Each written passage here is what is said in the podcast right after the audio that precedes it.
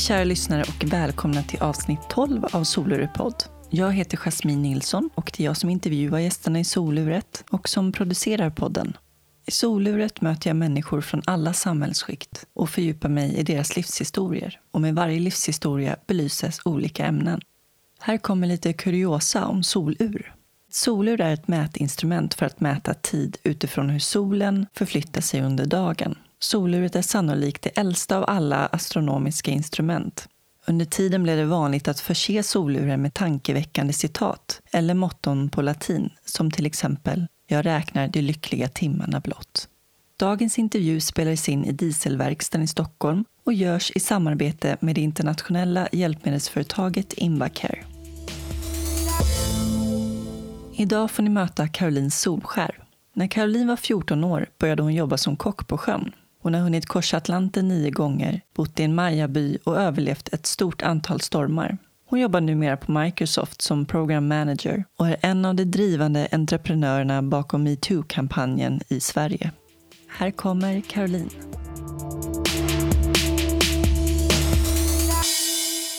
Nej, men vad säger du? Ska vi eh, köra igång helt enkelt? Ja, det gör vi. Välkommen till soluret, Caroline. Tack. Hur är läget med dig idag? Det är bra. Idag har en väldigt eh, flängig dag. Mm. Men, eh, men det har varit kul. Det är bara roliga saker. Härligt. Många bollar i luften. Många bollar i luften. Jag såg på Facebook att du har lagt upp någonting om Metoo Sweden, att ni Mm. har startat någon förening kring det. Precis. Mm. Eh, så nu efter eh, manifestationen då, som vi höll i eh, slutet på oktober. Jag och Gabriella då, som jag startade det här med, att vi helt plötsligt skulle starta en manifestation var ingenting någon av oss hade planerat. Så allt som kom efter det har ju också varit väldigt oplanerat. Men nu har vi landat i att eh, en ideell organisation är liksom så här, ett bra första steg för att liksom få en bra grund till vad vi vill göra efter det. Så, ja, så nu letar vi efter folk till vår styrelse.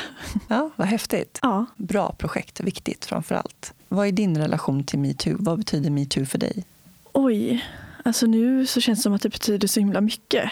Framför allt så betyder det någon form av revolution. Jag känner verkligen att det finns liksom ett liv innan metoo och ett liv efter metoo. Och eh, det är väldigt befriande för att kanske speciellt i ett land som Sverige där vi hela tiden tänker att vi är så jämställda så har man liksom inte, man har vaggats in i någon form av så här fejkad trygghet om att vi har det så himla bra. Att man liksom inte ens har tänkt på hur konstigt samhälle vi egentligen lever i. Och efter metoo så är det som att hela den här ögonbinden har tagits bort. Och helt plötsligt så ser jag och jag tror nästan alla andra liksom världen på ett helt annat sätt. Så det betyder ja, ögonöppnande skulle jag säga.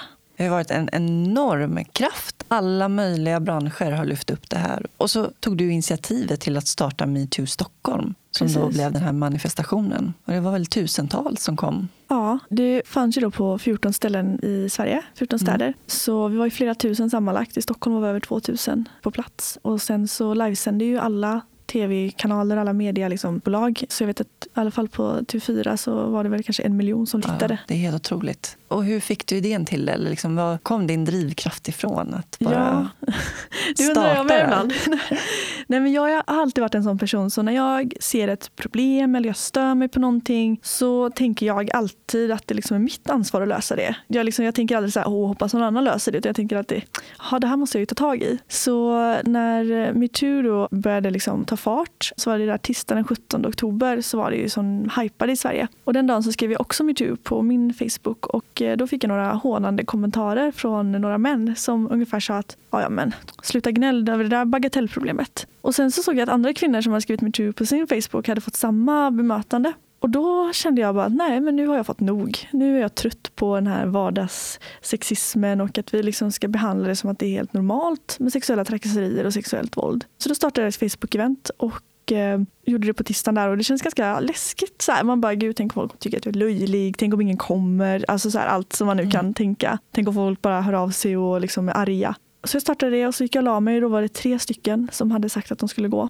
Sen vaknade jag onsdag morgon och då var ju allt bara i rullning. Mm. Och då fick jag också då kontakt med en tjej som heter Gabriella som också då på tisdagen hade startat ett eh, event på Facebook för att också då ha manifestation på Sergels torg på samma dag, söndagen den 22. Så då bestämde vi oss då för att eh, slå ihop våra event såklart. Det var lite meant to be tror jag. Nu när jag tänker efter på det så är det så här Alltså hur, hur trodde jag att jag skulle kunna sätta upp en manifestation på fyra dagar helt själv? Det är så här, jag hade ingen aning av vad jag gav mig in på. Så jag är så glad att eh, jag träffade Gabriella och att eh, vi har gjort det här tillsammans. Annars hade det aldrig gått. Ni fick ju dit politiker och sångare, artister ja, som precis. uppträdde. Ja, det var det blev jag så mest förvånad över att vi lyckades ändå få till ett så bra och mixat program. För sagt, det var ju politiker och det var liksom politiker från olika partier väldigt utspritt. Vi hade olika artister som var där och spelade. Vi hade ju även alltså folk från olika organisationer som var där och höll tal och sen så hade vi även, vad ska jag säga, alltså vanliga är ju ett fel ord, men liksom vanliga kvinnor som har blivit utsatta på olika vis som kom dit och antingen också då höll tal, hade spoken word, en tjej dansade, en annan spelade en sång, alltså så här, på olika sätt gav uttryck för det här. Så jag är väldigt stolt när jag mm. tänker tillbaka på vad vi lyckades åstadkomma. Du har ju pluggat IT och eh, jobbar inom IT-branschen mm. på Microsoft. Precis. Där är det ju väldigt mansdominerat har jag förstått det som. Ja, alltså IT-branschen överlag är väldigt mansdominerad. Men just på Microsoft i Sverige så är det faktiskt fler kvinnor än män som är jobbar. Är det sant? Ja, så det är en väldigt, ja, och det är en väldigt eh, Alltså, det märkte jag redan liksom från första dagen jag var där på en intervju att det är liksom väldigt, klimatet är väldigt, väldigt bra. Och jag, självklart så finns ju, alltså, sexuella trakasserier finns ju överallt. Men man märker väldigt tydligt på Microsoft att det är väldigt så här, det är absolut inte någonting som finns i jargongen eller som är accepterat. Mm. Och sen för några år sedan så blev du nominerad till Årets IT-tjej. Precis. Alltså det är för unga tjejer som pluggar någonting inom IT och som också jobbar då för att belysa de här problemen som finns i IT-branschen med att det är väldigt få kvinnor och också att det är både få kvinnor som pluggar IT-relaterade ämnen men också väldigt få kvinnor som jobbar i IT-branschen. Så för att få fler kvinnor intresserade av IT så då ska det vara en tjej som pluggar IT och som är på något sätt engagerad i frågor som rör att liksom få fler kvinnor in i IT-branschen. Vad tror du krävs för att man ska få det? Framförallt så tror jag man måste få bort det här att det ska vara liksom ett manligt yrke på något sätt. Jag tror att många när man tänker IT, så, men då ser man liksom ett gäng killar som sitter i en källare och kodar och dricker Jolt-cola ungefär. Men IT-branschen är ju helt annorlunda. Det finns mm. otroligt mycket jobbmöjligheter. Så jag tror man måste redan i ung ålder börja visa tjejer att det inte bara är det som IT utan att vad man än har för intresse egentligen så kan man nu för tiden koppla det till IT. Det Allting blir ju mer och mer digitaliserat och alla yrken kräver att man har någon viss kunskap kring det. Ja, men verkligen. Mm. Och just att man som tjej så uppmuntras man inte till det. För jag vet, när jag var liten och när jag hade Lunarstorm, det var ju populärt ja. en gång i tiden. Och när jag började använda Lunarstorm, det enda sättet om man ville liksom ha en snygg page, det var ju om man gjorde den själv. Koda, precis. precis. HTML. Ja, och det var ju aldrig någon som berättade, för jag tyckte det var jättekul, för att mm. jag är så här, jag vill ju ha den snyggaste sidan, mm. så jag satt ju hur mycket som helst med det där. Det var aldrig någon som uppmuntrade mig eller sa till mig att, men Caroline, det du tycker är jätteroligt här, det är ju liksom kod. Alltså, det kan du ju jobba med. Det var aldrig någon som berättade för mig. Men just att det liksom, jag visste inte ens vad jag gjorde förrän jag råkade börja plugga det och satt på universitetet. En av våra första föreläsningar så satt de och gick igenom HTML och jag bara, men det här kan ju jag. Mm. Jag har gjort det här. Så ja, bara liksom visa att det finns massa roliga grejer tror jag är ett bra första steg. Ja, men det är ju verkligen häftigt att man kan skapa någonting med massa tecken. Ja, alltså, det är verkligen. jättehäftigt. Jag kommer också ihåg det med Lunarstorm, att man skulle ha en snygg sida. Ja. Och sådär. Man lärde sig färgkoderna. Ja. Det var roligt. Ja, precis. Det, det var lite utmaning också. Det ja. var inte bara det här dra bara klicka på en färg eller dra in någonting, utan man fick liksom tänka till lite. Mm. Och utmaning samtidigt som det var väldigt kreativt. Sen tror jag det är jättenyttigt att kunna kodning, även om det finns så otroligt mycket designprogram nu för tiden, mm. så kan man ju stöta på buggar och problem som gör att det är bra att man har kunskap inom kodning också. Ja, verkligen. Men du har ju hunnit med hur mycket som helst. Du är bara 26 år. Ja. Du har korsat Atlanten nio gånger. Du har varit kock mm. till sjöss sedan du var 14 år. Du har drivit företag. Ja, det finns ju hur mycket som helst. Men vi tar det från början, mm. som jag brukar säga. Vart kommer du ifrån och hur var din uppväxt? Jag kommer från en liten ö i Göteborgs skärgård som heter Öckerö. Och Öckerö kommun är tio öar och där bor det väl sammanlagt upp 12 000 personer. Så det är ganska litet. Det var litet. Ja, det är mycket så här, vet, västkusten, så här, röda stugor och så, ja, sånt. Mysigt. Ja, det var väldigt eh, härligt ställe att växa upp på. Väldigt är det lite så att alla känner alla? Ja, verkligen. Det finns ju så här, en högstadieskola där alla går och sådär. Så, ja, ja, men väldigt mysig uppväxt liksom. Min mamma, pappa och min lilla syster. Sen när jag var 14, eller egentligen när jag var 13, så var jag ute och seglade med min klass en vecka, så här skolsegelfartyg. Och hon som var kock ombord på den här båten, hon tyckte jag var så himla cool. Hon var 19 år, hade stort rött hår, rökte och jag bara wow, vilken tjej. Så och så satt vi och snackade någon gång och så sa hon bara så här, men du borde följa med mig ut och vara min kockelev. Jag bara, ja det ska jag göra. Så här. Jag kände verkligen, det här är mitt kall i livet. Så då följde jag med henne ut och var hennes kockelev. Och så bara fastnade jag där. För det var liksom, det var ett sånt äventyr. Man var liksom ute på en träsegelskuta och jag fick massa ansvar och kände liksom, ja, men att liksom det jag gjorde var viktigt på något sätt. För att de som var där behövde ju mat. Ja, nej, men så då började jag bara vara ute och segla jättemycket och det blev liksom min tillflyktsort. I alla fall när jag var där 13-14 så var det så alla började dricka och röka och hela den grejen. Och då blev det liksom lite min tillflyktsort. Så liksom alla andra var ute och festade på kvällarna så var jag liksom ute på sjön och seglade istället. Och sen så när jag skulle välja gymnasiet så ja, var jag som alla andra, man har ingen aning om vad man ska göra. Och då fick jag veta att det fanns en sjökocksutbildning. Så då tänkte jag att ja, men det är klart. Så då utbildade jag mig till sjökock. Det kan ju inte vara så vanligt ändå. Nej, tänker det är jag. inte jättevanligt. För det är så specialinriktning i trean då. Så man går hotell och restaurang, ettan och tvåan och så väljer man till trean. Och då finns det 16 platser i Göteborg och 16 platser i Helsingborg. Men de flesta, i alla fall då i min klass i Göteborg, de flesta som gick där, det var ju folk från andra ställen i Sverige som egentligen bara så här, ville bo ett år i Göteborg. Det var ingen som var så här jätteintresserad av att bli sjökock Nej, nej, egentligen. Så det var väl kanske jag och två till Ja. som verkligen ville liksom bli sjökockar. Men däremot så var det ju så ganska svårt att komma in i den här klassen, alltså som det var så få platser. Så till exempel i min klass så gick eh, Thomas Sjögren som blev årets kock förra året. Eller kanske för förra året. Ja, han har varit årets kock i alla fall. Ja. Så jätteduktig kille. Nej, men så sen så utbildade jag mig till sjökock där då. Och så började jag jobba på handelsflottan. Eh, eller först så jobbade jag på Sjöfartsverket. De har så här sjömätningsfartyg, som man mäter havsdjupet. Mhm. Så på sjökort när det står hur djupt det är så har man då innan åkt runt med så ekolod eh, Okej. och bara mätt överallt. Och det är ganska intressant för att man tror ju att sjökort är liksom korrekta. Men vissa ställen som vi mätte på, de hade de inte mätt sedan typ 1929. Och då har man ju bara suttit med ett snöre liksom. Nej, Så det är så här, sjökort är inte så säkra som man tror. men verkligen inte. Så är det det och sen så jobbar jag på så här containerfartyg och tankfartyg och lite så. Och så Men vad behöver man för skills då för att bli sjökock just? Jo, alltså skillnaden från det och att jobba som vanlig kock är att om man jobbar på en vanlig restaurang så har man ju en à la carte-meny. Alltså då har man ju kanske så här tio olika rätter till exempel. Och sen så varje kväll så kommer ju ett antal gäster. Man vet aldrig hur många gäster, man vet inte vad de kommer beställa, man vet inte liksom vad folk har för allergier och sådär. När man jobbar på sjön så har man ju så här frukost, lunch, middag och så fika däremellan. Och då gör man ju en måltid till alla. Så, och man vet ju vilka som är ombord. Så man vet ju hur många som är så här glutenintoleranta, hur många som är vegetarianer och allting sånt. Så det blir lite mer som att vara en eh, bambatant. Okej. Eller så här, mat, förlåt, jag är från Göteborg. Matsalstant. Vad var den vanligaste rätten då som du fick eh, göra? Oj, svårt. Spagetti och köttfärssås kan jag säga. Ja. Det funkar ju jämt vart man är där. Vad var det för typ av fartyg som Mm. du var på och jobbade? Ja, alltså i början där då så var det så skolsegelfartyg. Sen efter det så var det då det här sjömätningsfartyget. Efter det så var det containerfartyg och eh, tankfartyg. Så på containerfartygen så lastar man ju och fraktar containrar med olika saker i. Och på tankfartyg så är det ju olja. Sen efter det, så, för att ända sedan jag då började när jag var 14 så hade jag en dröm. Och det var att få jobba på Gunilla, den seglande gymnasieskolan. Tänk dig så här Pirates of the Caribbean, alltså så här riktigt piratskepp som var då en gymnasieskola. Jaha, det finns på riktigt Ja, alltså? det finns på riktigt. Själva skolan ligger på Öckerö, den här ön som jag är ifrån. Så jag har liksom alltid vetat om den och sådär. Så min dröm var att få jobba där. Så en dag så fick jag ett eh, mejl från redaren där som sa Hej Caroline, vi behöver en ny kock. Är du intresserad? Så jag du vet, slängde mig på telefonen och bara ja, jag är jätteintresserad. Eh, Så sen jobbade jag där i tre år. Eh, Och det var liksom mina sista tre år på sjön då. Mm. Innan jag bestämde mig för att det var dags att göra något nytt. Men det här med att korsa Atlanten nio gånger då? Mm.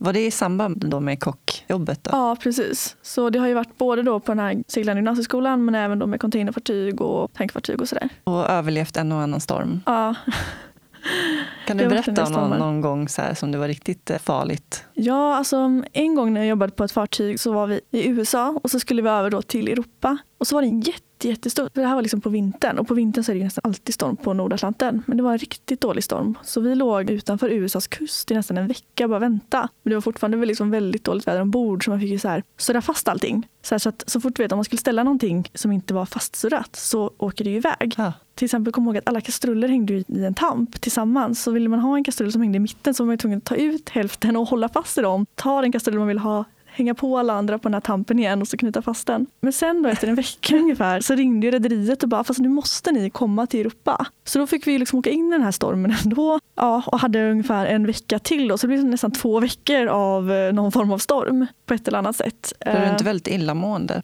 Alltså illamående beror väldigt mycket på vilken båt man är på. För att alla båtar rör sig olika. Men sen så är det också att man vänjer ju sig. Ofta så är det ju så här att speciellt om man jobbar på sjön så är man ju så van för man är ute så ofta. Så då blir man liksom aldrig sjösjuk. Jag har hört att om man, om man har dålig Mm. balans så blir man inte sjösjuk. Har man bra balans så blir man mer sjösjuk för att hjärnan liksom, ja. Det har jag också hört. ja. Och jag har faktiskt märkt det. För att I Mm. början när jag var, jobbade på sjön så var jag aldrig sjösjuk. Men sen sista typ ett och ett halvt året så började jag göra mycket yoga.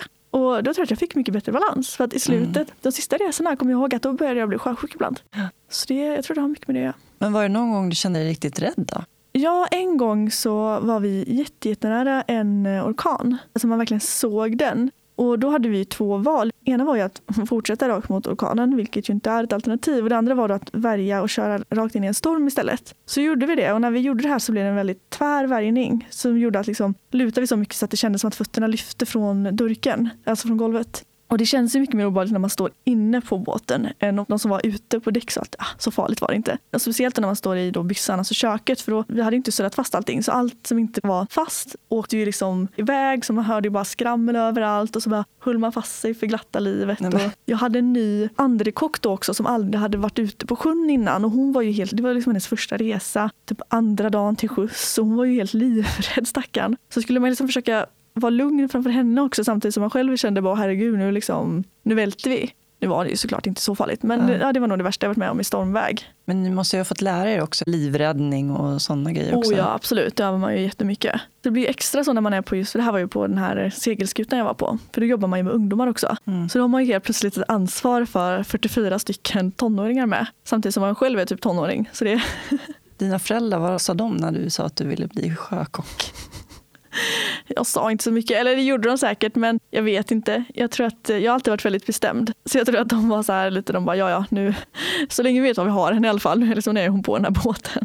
Hur hanterar du det? sexism och sådär? Det klimatet? Ja, alltså det är ju så här, ska man jobba på sjön så måste man ju ha ganska mycket skinn på näsan. Så är det ju. Och sen så tror jag att eh, de tjejer som väl är på sjön har väldigt mycket skinn på näsan så blir det ofta liksom att de flesta gubbar, gubbarna säger jag nu för att de flesta är ju äldre män som är där, de vet liksom om det så de liksom håller sig ofta på sin kant. Men jag vet en gång till exempel så var det en kille som, jag var praktikant på ett eh, containerfartyg och han var också praktikant där och han var väldigt, väldigt på mig, liksom skulle liksom hela tiden hålla på och krama mig och ta på mig och sådär. Och det var ju väldigt obehagligt. Sen när de andra ombord då fick veta det här, för de märkte ju liksom efter ett tag så varför är han alltid liksom på Caroline och sådär, började prata med mig och sådär, fråga vad som hände. Så tog ju alla liksom verkligen tag i det och jag vet kaptenen liksom pratade med honom och alla var liksom så här, typ, alltså nu, nu håller du borta. De var ju väldigt måna om att jag skulle må bra, att jag skulle ha det bra. Även om det såklart på många sätt var alltså en väldigt grabbig miljö. Säkert olika på olika båtar, men just den båten vet jag, det var väldigt, så här, jag kände mig väldigt, liksom, jag togs på allvar. Mm. Det är ju mycket sådana här, men så här små grejer mer så att man liksom inte, jag var ju liksom första kock, men det var ju aldrig någon som trodde jag var det, utan folk var ju så här, ja men är du som är mässjänta? Och mässjänta är ju så här typ hjälpredaren som städar befälens hytter, alltså så här håller rent i mässen då när man äter och sådär. Det var aldrig någon som antog att det var jag som var kock. En gång så hade jag en mässman då och han var jättestor. Han var nästan två meter lång, hade stort skägg och alla trodde ju alltid att det var han som bestämde. Liksom. Så Mm. när det kom någon ny, så här, i varje hamn så har man ju då en, ja, men någon som kommer som är så här, leverantör av mat och sådär. Och den personen började liksom alltid prata med honom. Och vissa var ju så här, liksom lyssnade inte ens på mig när jag gick in och liksom bara, ah, nej men så här och så här är det liksom. Bara trodde att jag så här, var någon liten fjant som hoppade in och försökte göra mig hörd eller något. Ja. Mm. Mer sånt liksom, just där, liksom inte, att man bara antar att jag var liksom någon helt annan. Att jag inte hade någonting där att göra. Känner du att du fick någon så här pondus med åren? Ja, absolut. När man är i en sån miljö så har man liksom, ska man vara kvar där så måste man ju verkligen liksom bli bra på att ja, säga här är jag och nu ska du lyssna på mig. Så det var ju bara liksom att bli den personen som vågar höja rösten och luta sig in och säga att ja, fast nu är det jag som bestämmer här. Vad är du mest rädd för? Jag vet faktiskt inte. Jag vill, ja, jag är nog rädd för att, jag vet inte, det är en jättesvår fråga. Mm. Det finns jättemycket man är rädd för. Men Mm. Samtidigt så tänker jag att allt löser sig alltid. Men jag, vill, ja, men jag är väldigt rädd för att allting bara skulle skita sig. Att det verkligen skulle bli så här att hur mycket jag än kämpar och hur mycket jag än försöker så skulle jag bara stå och stampa och liksom inte komma någon vart. Att man, eller så här, det bara blir liksom värre och värre. Även fast man gör allt man kan och tänker på olika vis, testar olika saker, tänker positivt. Alltså så, här, så bara liksom, nej, nu var det liksom stopp. Så här, nu är din, dina dagar över och så liksom blir det något, alltså så här, ja, jag vet inte, något sånt kanske. Jag är mest rädd för att uppleva sorger i livet. Liksom. Det har du verkligen rätt i. Lite Jo, men- människor som ja. är nära att de far illa. Det är faktiskt väldigt sant. Jo, men Mm. det tror jag, speciellt nu med metoo. Jag är väldigt rädd för att folk i Bromon ska typ bli våldtagna. Det kan jag känna, för speciellt, jag tror att det är det som blir liksom när man läser berättelser om alltså kvinnors bekännelse, eller mäns också såklart, men berättelser från människor som berättar om när de blivit våldtagna och det är så riktigt hemskt. Så kan jag liksom bara se hur det skulle vara någon jag känner, alltså typ att det skulle vara min syster eller min mamma eller min bästa kompis. Det är jag väldigt rädd för. Ja, det sätter ju spår resten av livet. Mm. Ja, verkligen. Absolut.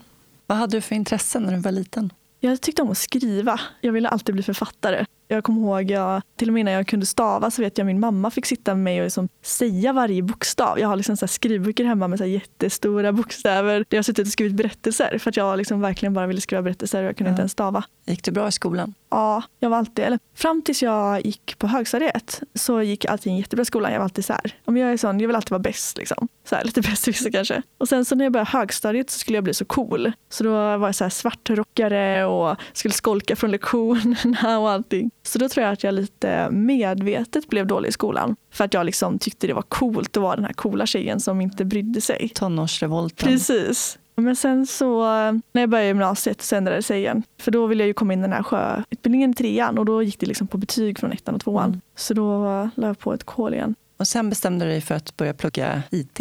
Precis. Ja. Alltså jag är dubbelkandidat i datasystemet skap och företagsekonomi. Men jag hade bestämt mig för att jag skulle börja plugga. Och sen så bestämde jag mig för att flytta till Stockholm också. För jag kände att jag ville inte bo kvar i Göteborg och jag ville flytta till en större stad. Och först tänkte jag att jag skulle flytta utomlands men sen insåg jag gud vad jobbigt. Alltså det var så här, man får ju gratis här så det är jättekonstigt att inte ta den chansen. Så jag bara okej okay, men då får det bli Stockholm. Och sen så pratade jag med en person som jag eh, såg och ser väldigt mycket upp till. Som sa till mig så att men Caroline, det är klart du ska plugga IT. IT är ju framtiden. Det är ju all, där allting händer. Ja, då i min värld så var just IT, det var ju de här killarna i den här källan mm. som eh, i mörkret satt och skrev kod. Och det kändes ju inte så jättelockande. Men så tänkte jag att ja, varför inte? Jag har ingen aning om vad det är. Jag har aldrig testat förut så det kan ju bara bli jättekul. Så då testade jag och sen så från dag ett så var jag så här wow, vilken häftig värld. Hur var det att flytta till Stockholm då? Det var väldigt läskigt. Alltså, jag hade lite tur för jag flyttade ihop med min dåvarande pojkvän för han bodde i Stockholm. Så det var skönt att känna att man liksom flyttade och kände någon i alla fall. Men det var ju också såklart läskigt att lämna alla kompisar och familj och så. Nej, men framförallt roligt. Äventyr liksom. Nytt kapitel. Nu tar vi en kort paus för jag ska ringa upp min samarbetspartner Invacare. Marie-Louise Tam. Hej Marie-Louise, det är Jasmin här från Soluret. Hej Jasmin! Hur är läget med dig? Jo det är bra. Jag längtar efter lite vår. Ja, verkligen. Kan du berätta vad du gör för någonting på Invacare? Jag jobbar med gånghjälpmedel och hygienhjälpmedel. Det är lite grann mer vardagliga hjälpmedel. Allt ifrån rullatorer, käppar, kryckor, betastöd, gåbord. Sånt som gör så man kan klara vardagen lite enklare och vara lite mer självständig och göra det man vill och inte behöva vänta på någon annan. Dolomit Futura-rollatorn är ju en sån här fantastisk liten hjälpare och den är ju en sån som förskrivs från hjälpmedelscentralerna och den kan man även köpa till både korg och ryggstöd om man inte får det ifrån hjälpmedelscentralerna. Och så finns det en massa butiker ute på stan som säljer såna här saker. Eller som hygienhjälpmedel, då är det ju toalettförhöjare, badkarslyftar, duschstolar som du kan både ha över toalett och i duschen. Alltså det är lite smått och gott, om man får säga så. Är man intresserad av dessa produkter så är det dig man kontaktar på Invacare? Ja, hjärtligt välkommen att kontakta. Och fördelen med våra produkter är att de är väldigt kända inom den svenska marknaden och har en fantastiskt många tillbehör så att det funkar bra. Då kan man gå in på er hemsida invacare.se och se alla dessa produkter också. Det stämmer. Under gång och hygien ser man massa olika exempel på hur man kan förgylla sin vardag. Tack så jättemycket Marie-Louise för att jag fick ringa upp dig. Ja, tack själv. Vi hörs framöver. Ja, men det gör vi. Ha en fortsatt fin dag. Ja, du också. Ha det bra. Hej då. Hej då. Efter när du var klar med utbildningen, drog du igång olika projekt och startade företag? Ja, eller det har jag gjort under tiden. Så under tiden jag pluggade så drev jag två bolag och startade en del olika projekt, framförallt inom entreprenörskap för att få andra studenter intresserade av entreprenörskap. Jag var klar med mina studier nu i maj och sen så började jag nu på Microsoft i september. Trivs du? Jag trivs jättebra. Många skrattade lite när jag, när jag berättade att jag skulle börja på Microsoft. För alla var ju så här, men Caroline, du kommer inte kunna jobba på ett storföretag. Det är, så här, det är inte du. Liksom, det är så här, och jag var lite rädd för det också. Att det skulle bli för liksom, inramat, för mycket processer, för mycket liksom, andras viljor att följa. Men hittills så har det varit otroligt roligt. Och eh, det är verkligen ett företag, i alla fall min roll för mig, så har det varit väldigt fritt. Jag får ju mål. Det här är liksom vad du ska uppnå. Men det är ingen annan som säger till mig hur jag ska ta mig dit. Och det är lite läskigt också. För man vill ju, så här, man vill ju prestera bra, man vill göra bra ifrån sig. Så har man liksom ingen som, ingen som säger åt en hur man ska göra. Men det är ju det, är det som blir kul. Så jag blir lite, lite entreprenör ändå, eller lite intraprenör. Ja, precis. Du får fria tyglar Precis. Och, och forma ditt arbete själv. Ja, och då blir det kul också när man är på ett ställe där man faktiskt har lite power. För jag menar, det är ju det som kan vara det en av de jobbigaste sakerna jag kan tycka annars som en entreprenör är just att när man startar så är det ju ingen som vet vem man är, ingen som liksom vill hjälpa en, ingen som vill, ja, allt, eller klart finns folk som hjälper en liksom, men det är inget där, man är ingen än. Men jobbar man på ett företag som Microsoft som folk vet vad det är så finns det mycket saker som går mycket lättare och man kan liksom hoppa över många av de här tråkiga första stegen som bara liksom annars är så här saker som håller en tillbaka. Mm. Har du alltid varit prestationsinriktad? Ja, det skulle jag säga. Tror du att det krävs för att man ska kunna bli entreprenör? Jag tror det. Alltså, om man är entreprenör så måste man ju verkligen... Det är jobbigt. Jag tror att nu för tiden så är det så hajpat att vara entreprenör. Så alla ska vara entreprenörer. Men alla kan inte bli entreprenörer. För det är inte alltid kul att vara entreprenör heller. Det är ju väldigt jobbigt och man måste ju ligga i och kämpa och sådär. Så jag tror absolut man måste vara, vara en person som vill prestera bra för att lyckas. Vad tror du krävs för andra kvaliteter? Att man vågar ta för sig och att man vågar göra fel. Att man inte är rädd för att göra fel. Att vara entreprenör handlar verkligen om att bara testa. Man ska göra någonting som ingen annan har gjort innan. Det ju så här, testa nya saker och vara innovativ. Så våga göra fel och verkligen se fel som eh, nya lärdomar. Vi pratade lite innan där om din drivkraft, var det kommer ifrån. Tror du att du är född som bara? Ja, jag tror nästan det. Alltså jag vet inte, jag, jag har tänkt mycket på det här, vad det är som mm. får mig att bara göra massa saker. Och jag kom fram till att jag, så här, jag bara verkligen gillar att skapa saker. Alltså det här just att det finns ingenting och sen helt plötsligt så kan jag få någonting att uppstå. Mm. Om det då är en produkt eller ett projekt eller vad som helst. Att man bara så här, att jag har den kraften. Det tycker mm. jag är, är, riktigt häftigt. Och sen så blir det också så för varje sak man gör så känner man sig starkare och vågar mer. Jag kommer ihåg till exempel när jag var 22 så cyklade jag från Göteborg till Stockholm. Det var en så här jätteknäpp resa men efter det så är det så här vad jag än stöter på i livet så tänker jag att ja, men, om jag orkade cykla från Göteborg till Stockholm då orkar jag faktiskt det här. Hur är det med motgångar i livet? Har du haft det? Jag har haft mycket motgångar i livet men jag tror att jag alltid haft en approach där jag försöker se det positiva i det. När jag gick på högstadiet så hade jag en så ganska tung depression. Sättet jag tog mig ur det var genom att så här, jag började varje dag titta mig, så här, titta mig i spegeln och så tvinga mig själv att så här, tänka en positiv sak. Och I början var det såna här jätteknäppa grejer som att ah, ja, men det är sol ute idag eller ah, ja, jag, jag ser inte jätteful ut idag. Alltså det är så här. Och sen så blev det liksom varje gång jag tittar med en spegel så tänker jag någonting positivt. Och jag tror att det har jag alltid tagit med mig. Att även när det händer så dåliga saker eller allting, liksom man känner att nu går allting bara emot mig. Så jag tror jättemycket på liksom, att om man tänker positivt så blir det positivt. Kom du på det själv att du skulle göra det? Ja. Jag var väldigt så här, jag vill inte börja ta antidepressiva och jag testade, jag vet att det var en psykolog som gav mig det ett tag och jag ville så här, jag ville liksom inte ta det för det kändes inte bra. Så jag kände att ja, men jag måste ju ta mig ur det här själv då om jag inte vill ta de här medicinerna. Så då började jag försöka tänka positivt och jag har tagit med mig sedan dess. Det löser det mesta. Även mm. om jag såklart också har liksom, händer saker som är jättejobbiga eller ibland mår jag jättedåligt. Så får man bara så här, tänka att det är, liksom, det är bara exakt just nu, det kommer ju bli bättre.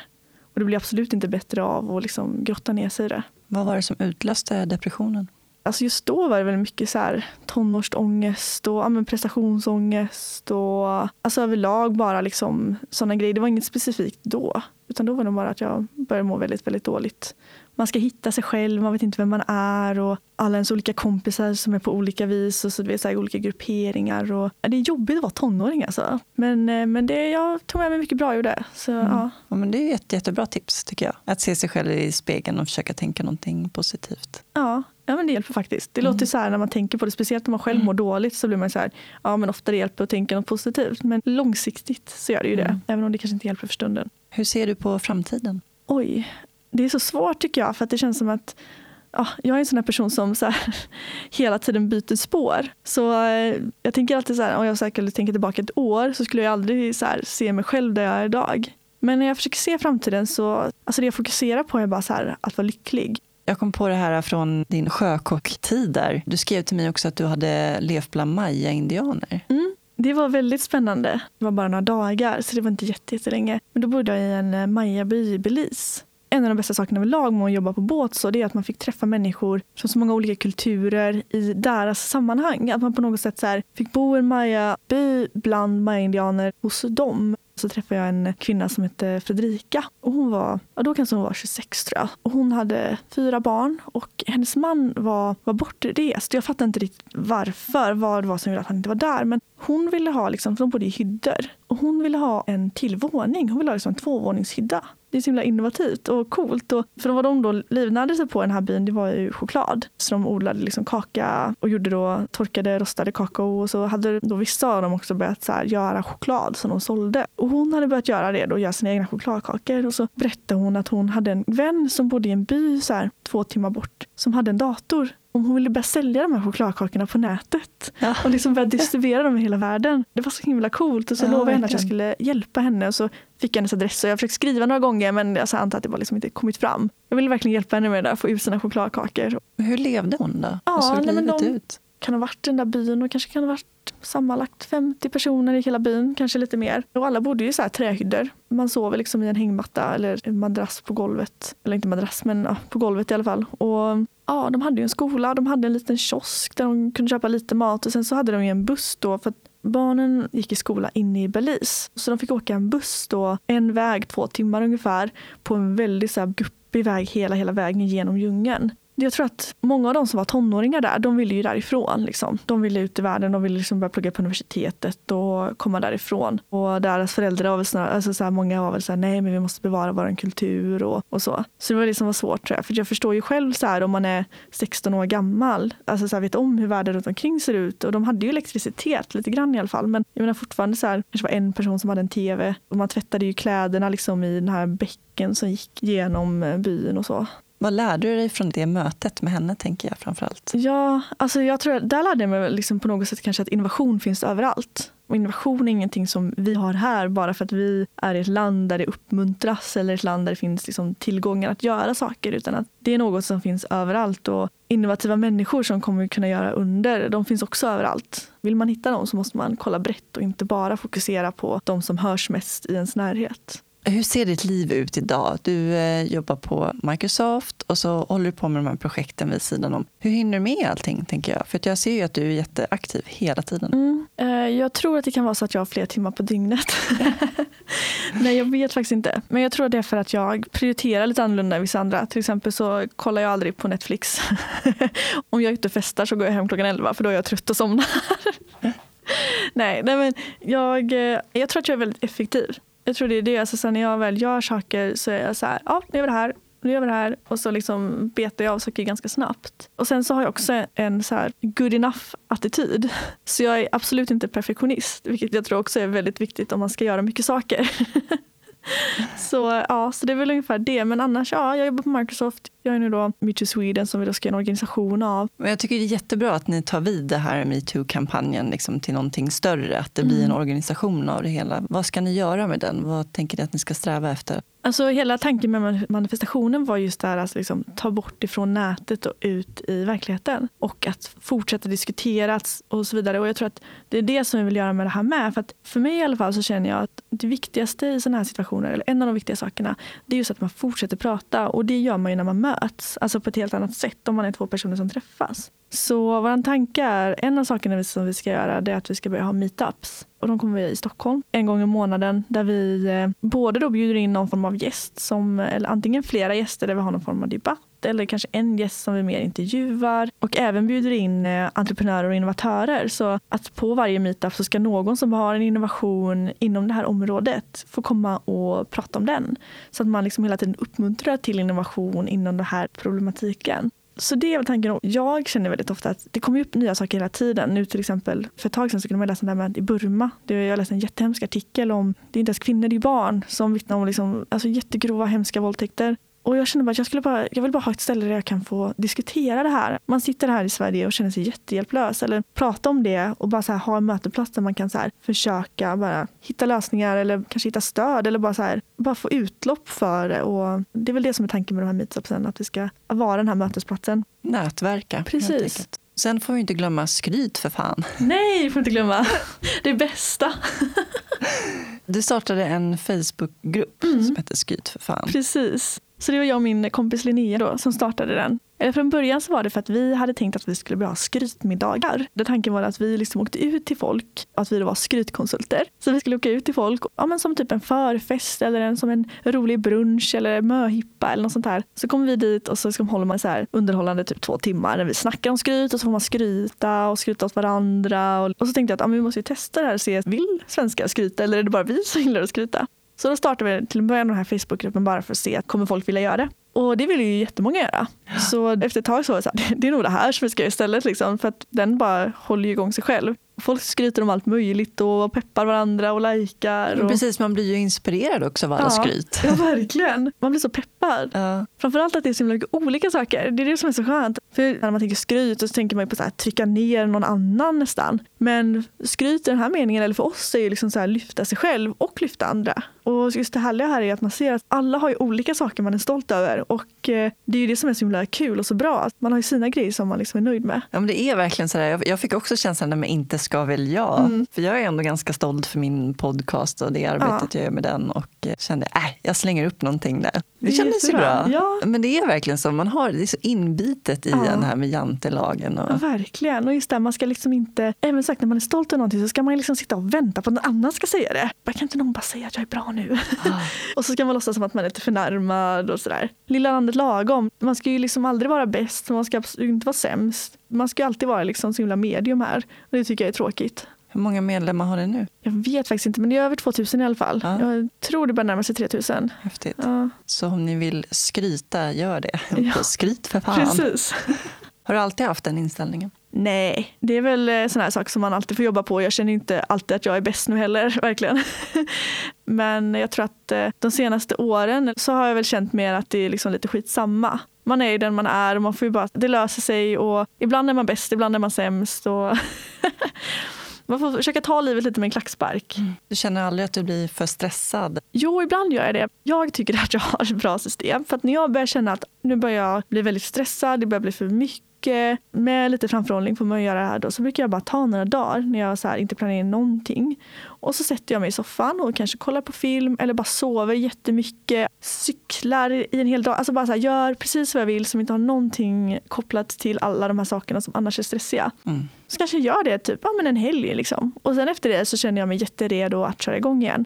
Liksom, för då har jag liksom fått ladda om mina batteri. Det är väldigt viktigt om man är en person som gör mycket att man är extra aktsam för att det är klart att så här, jag är inte odödlig. Det är klart att jag kan gå in i väggen precis som alla andra och jag har gått in i väggen och det har varit jättejobbigt. Så det är jätteviktigt att lyssna på sin kropp och, och så. Men, nej, men jag tror jag har hittat ett system som funkar för mig. När du var på väg in i väggen, då, vad gjorde du för att bromsa upp det? Ja, så alltså till slut så fick jag ju bara sluta liksom allting jag gjorde och bara så här, verkligen bara ta en lång paus. När man går in i väggen så kan man har man inget val för att mm. man blir ju som man, man orkar ju ingenting. Man orkar ju inte ens gå upp i sängen liksom. Jag var ju så illa tvungen att bara så här, trappa ner på allt. Vad betyder självkänsla för dig? Men det är väl att vara trygg i sig själv. Att man liksom, just det här att det är klart att ibland så känner man sig som världens sämsta person. Ibland så känner man bara gud vad jag är ful och tråkig och inte klarar av någonting. Och att man får känna det såklart men att man ändå på något sätt fortfarande har trygghet i sig själv. När man tänker så att man ändå någonstans långt där inne känner att ja, ja, men det är bara just nu du tänker så. Du vet ju att du egentligen är helt okej. Okay. så det är väl ja, att trots att man har dåliga dagar fortfarande vet om att man är liksom värdefull. Det var bra sagt. Vad innebär det för dig att vara människa? För mig att vara människa så innebär det att försöka lämna den här platsen bättre än den var när jag kom hit. På något sätt. Alltså så här, om man ser på hur människan har förstört världen på många sätt, alltså sen vi kom till, så har jag väl som mål med mitt liv att det ska vara lite bättre. Vad betyder frihet för dig? Frihet för mig betyder att vara ute på havet. Att inte se land. Att vara liksom så här, mitt ute någonstans. Man ser inga andra båtar, man ser inget land och man bara så här, känner vinden i håret. Vad gör dig arg? Orättvisor. Jag blir alltid så himla... När det är orättvist eller folk blir dåligt behandlade. Och Det är väl därför metoo betyder så mycket för mig. Just för att jag blir så arg. Att man ska behandlas olika beroende på att man har ett annat kön eller att man ser annorlunda ut eller att man kommer från ett annat land eller vad det nu kan vara. Jag tycker sånt är så, så knäppt. Vad gör dig lycklig? Hmm, vad gör mig lycklig? Alltså det finns så mycket saker som, gör en lycklig. Men det gör mig lycklig när jag känner att jag bidrar med någonting. När jag känner att jag gör skillnad. Och sen kan det vara allt möjligt från att vara på en båt och laga mat och känna att om jag gör skillnad för att annars skulle folk vara hungriga till att starta en manifestation och folk kommer fram och säger liksom att på grund av den här manifestationen så har jag vågat erkänna vad som hände mig och allt däremellan. Vem är den roligaste människan du känner? Alltså min pojkvän vill ju jättegärna att jag ska säga att det är han, men han har jättetråkig humor. så jag kan inte göra det, det tar emot. Men jag tror mina barndomskompisar från eh, högstadiet. För alltid när man träffar dem, vi träffas ju nästan aldrig längre, speciellt som jag bor i Göteborg. Men när jag träffar de här människorna så liksom, tror det är mycket för att man känner sig som ett barn igen. Liksom man pratar om så saker som man inte har pratat om på 10-15 år. Och samtidigt blir jag så lycklig för att i mitt huvud så är de ju fortfarande barn. Och så varje gång man träffas så inser jag att oj, de är ju också vuxna människor ja. som liksom har jobb och lägenheter och seriösa förhållanden och allting. Och då blir jag också så himla glad. Och bara, wow, tänk att, att vi är här nu allihopa. Ja, de är väl roligast. Förlåt Christian. Vad drömmer du om? Oh. Jag drömmer om den här framtidsvisionen när jag liksom bara så här, allt är varmt och lyckligt. Och resten vet jag inte. Det känns liksom bättre att låta det vara. Men jag drömmer, som Bert säger, jag drömmer om ett långt och lyckligt liv. Ja, kort och gott. Ja. Det tycker jag är bra. Jag har några snabba frågor också. Mm. Kaffe eller te? Kaffe. Bok eller film? Bok. Kött eller grönsaker? Grönsaker. Se eller höra? Hmm. Se. Heavy metal eller jazz? Jazz. Ljus eller mörker? Ljus. Fort eller långsamt? Fort. Lyssna eller prata? Lyssna. Tack så jättemycket Caroline för att du delade med dig av ditt liv i soluret. Tack, det var jättekul att få vara här. Vilken stark förebild Caroline är. Uppmuntra unga tjejer till att som Caroline våga ta för sig och att tveklöst satsa på sina drömmar. Glöm nu inte att gå in på Carolines Facebookgrupp Skryt för fan och gör det. Skryt om vad som helst och låt dig bli peppad och inspirerad av andra. Soluret har en hemsida, soluretpodd.se. Där kan ni lyssna på alla intervjuer och även komma i kontakt med mig. Om ni prenumererar på podden i er podcastapp får ni upp avsnitten direkt i er mobil. Ibland kan det nämligen ta något dygn innan det nya avsnittet kommer upp på iTunes. Följ gärna Soluret på Facebook och Instagram också. Tack än en gång Invacare för samarbetet. Mer information om Invacare och deras produkter hittar ni på invacare.se. I nästa avsnitt får ni möta Jesper Lissmark Hult. Jesper växte upp i Karlskrona och blev under många år svårt mobbad i skolan. Det gick så långt att han inte ville leva längre. Men efter gymnasiet reste Jesper till Australien, vilket blev en avgörande vändning i hans liv. För han blev sedd. Nu föreläser Jesper om vikten av kommunikation, mindfulness och personlig utveckling. Han har även cyklat 10 000 kilometer runt i Europa på en enhjuling för att uppmärksamma just mobbning. Avsnittet publiceras måndag den 19 februari. Med tanke på dagens gäst avslutar jag med ett citat av Michelle Obama. När det går lågt går vi högt. Tack för att ni lyssnade och ta hand om varandra. Hej då!